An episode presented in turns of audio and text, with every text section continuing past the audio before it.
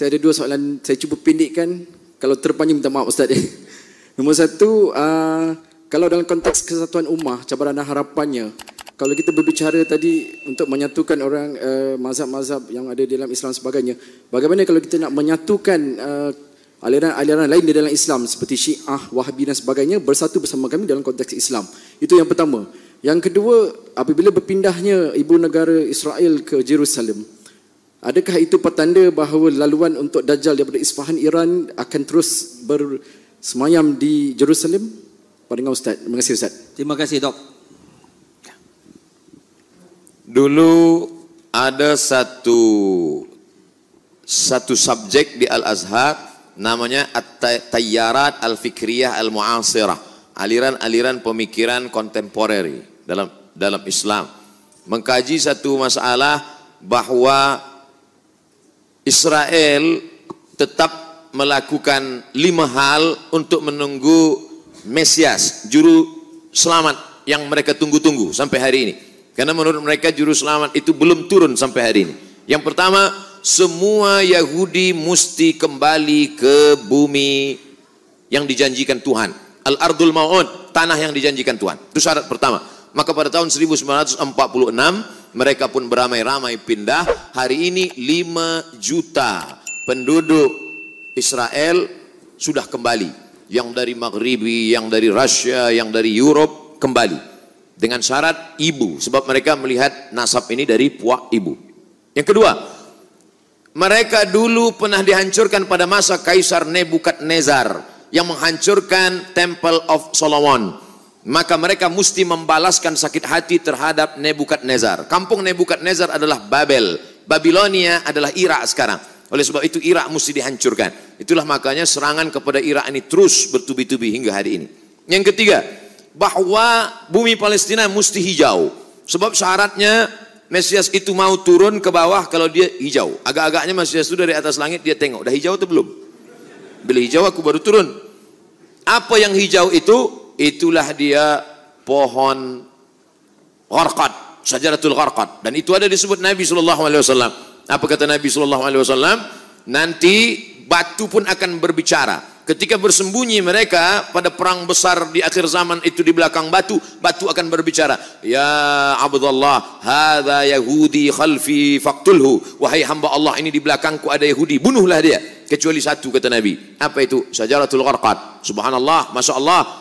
Bila kita sampai nanti, saya sampai ke satu kota yang dibelah menjadi dua, sebelah punya eh, Mesir, sebelah lagi diambil oleh Israel saya tengok dengan mata kepala saya sendiri pohon-pohon orkot mereka tanam menghijau seperti pokok pens. Lalu kemudian yang kelima, bahwa mereka mesti menguasai yang pernah dikuasai oleh Sulaiman dulu.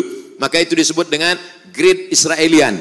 Israel raya, Israel besar. Mana batasnya? Dari dua sungai. Dari sungai Nil di Afrika hingga ke sungai Efrat di Irak maka batas negara mereka itu adalah dua sungai. Maka dalam bendera dia dibuat ada bintang uh, David, bintang David, lalu segi enam, lalu di atasnya ada garis warna biru, di bawah ada biru. Yang di atas biru itu sungai Nil, yang di bawah biru itu adalah sungai Efrat. Maknanya kerajaan mereka dari Nil hingga ke Efrat. Yang kelima, kalau nanti mereka berkuasa di dunia, maka selain daripada mereka akan menjadi ghaim. Ghaim itu adalah keledai tunggangan. Yang bukan dia akan menjadi ghaim. Siapa dia? Maka mereka tidak mengajak orang luar kepada agama dia. Sebab dia adalah agama sekaligus nation. Beza dengan kita. Kita Melayu. Tapi bukan agama. Beza dengan mereka. Mereka adalah Yahudi sekaligus sebagai agama. Maka yang bukan mereka bukan golongan mereka akan menjadi goim keledai tunggangan. Itulah yang terjadi saat ini maka ini mesti disuarakan. Video saya tentang ini sudah diupload di YouTube. Hanya beberapa jam saja lepas itu hilang. Kalau tak percaya coba upload. Mungkinkah Sunni dan Syiah bersatu? Yang menjawab ini Syekh Yusuf Al-Qaradawi maka dibuatlah yang disebut dengan at-taqrib bainal madhahib at-taqrib pendekatan karena sudah jauh betul. Ini sunni, ini syiah. Akhirnya dibuatlah dialog bernama At-Takrib Bainal Madhahib. Mendekatkan mazhab. Tapi itu pada masa Syekhul Azhar Mahmud Saltud. Berlanjutlah kepada Syekh Yusuf Qardawi. Kata Syekh Yusuf Al-Qardawi, akhirnya saya tak sanggup. Kenapa? Mereka mengajak takrib bainal madhahib, tapi sebenarnya mereka sedang melakukan tasy'i'us sunnah. Mensyiahkan ahli sunnah. Di mana letak perbezaan kita dengan mereka? Lima. Yang pertama, mereka berkata selepas Nabi SAW meninggal dunia ini dipimpin oleh Sayyidina Ali. Ali meninggal dipimpin oleh Sayyidina Al-Hasan. Hasan meninggal dipimpin oleh Sayyidina Al-Husain. Husain meninggal dipimpin oleh Ali Zainal Abidin. Ali Zainal Abidin meninggal dipimpin oleh Muhammad Al-Baqir. Muhammad Al-Baqir meninggal dipimpin oleh Ja'far Sadiq. Ja'far Sadiq meninggal oleh Musa Al-Kazim. Musa Al-Kazim meninggal oleh terus sampai ke bawah imam yang 12. Imam yang ke-12 sedang bersembunyi sekarang belum keluar. Sementara Imam 12 ini belum keluar, dunia dipimpin oleh wilayatul faqih yang sekarang dipimpin oleh Khamenei. Siapa yang tidak mengakui ini maka kafir. Itulah yang menyebabkan dia keluar daripada alus sunnah karena alus sunnah tidak boleh takfir mengkafirkan orang. Sedangkan dia mengkafirkan kita. Dua. Selepas Nabi SAW meninggal dunia maka ada wasiat kepada Sayyidina Ali. Maka orang yang mengambil wasiat membatalkan wasiat itu berarti kafir. Abu Bakar dan Umar kafir. Makanya ada doa laknat sonamai Quraisy. Selepas sholat subuh mereka laknat. Allahumma la'an sonamai Quraisy. Siapa yang dimaksud dengan sonamai Quraisy? Abu Bakar Siddiq dan Umar Ibnul Khattab. Wa ma Muhammadun illa Rasul. Muhammad itu seorang Rasul SAW.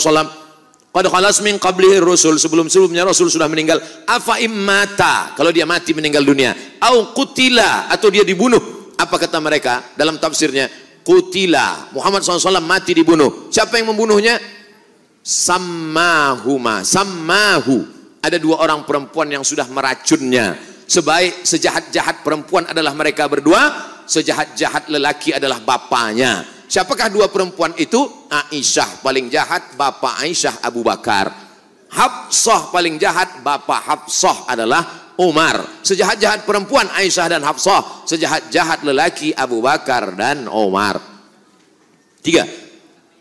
Sahabat Nabi yang beriman hanya Muaz, hanya Abu Dhar Al-Ghifari, Salman Al-Farisi, Mikdad bin Aswad.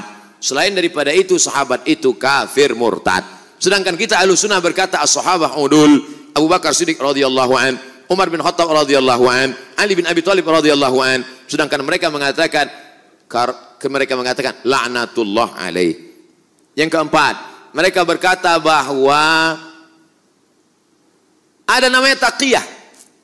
Kalau kebetulan yang hadir ini ramai adalah ahlus sunnah wal jamaah, maka ketika dia ditanya, engkau syiah apa sunnah? Dia akan berkata, ana sunni. Sebab yang banyak ini sunnah. Tapi kalau yang di sini yang datang adalah syiah, ditanya, awak sunni apa syiah? Ana syi'i. Ini namanya taqiyah. Kalau yang kebetulan datang 50-50, 50 sunnah, awak apa? Ana sushi. Sunni syiah. Taqiyah. Dalam Islam tak ada taqiyah. Sedangkan mereka mengatakan at-taqiyah minad din. Taqiyah ini minad din. Siapa yang tidak bertaqiyah maka dia tidak beragama. Tidak beragama Syiah maksudnya. Yang kelima, mereka memahamkan ada akidah mereka disebut dengan mut'ah. Hari ini mut'ah luar biasa. Berapa banyak orang terkena penyakit. Seorang dokter medikal di Bandung dia buat dalam buku, dia tulis buku itu. Dia bercerita bagaimana seorang perempuan yang memakai niqab, memakai cadar datang tapi dia terkejut kenapa terkena maaf penyakit sipilis. Kenapa terkena sipilis? Rupanya ikut jamaah. Terlalu banyak guna fan rife kena virus.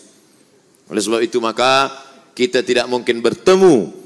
Nah ta'awan fi mattafaqna. Mari kita bersama menjaga persatuan umat pada golongan antara Hanafi dengan Maliki, antara Syafi'i dengan Hambali, antara Ahlu Sunnah wal Jamaah. Tapi kalau sudah kepada Ahlul Bid'ah, maka dalam hal ini mesti, Alhamdulillah, Malaysia merupakan kerajaan yang tegas dalam bidang ini. Saya amat sangat bersyukur kepada Allah. Kerana dalam tazkirah saya, saya mengambil fatwa. Saya ambil fatwa dari Selangor. Saya ambil dari fatwa mufti uh, uh, mufti Johor. Saya ambil. Bila umat bertanya, ini bukan fatwa Abdul Somad. Nih, fatwa dari bumi Melayu. Kenapa? Karena umat ini akan dijaga oleh ulama. Kalau ulama diam dalam masalah ini, maka habislah umat akan diterkam oleh serigala-serigala. Maka mesti dijaga oleh ulama. Wallahu a'lam bishawab.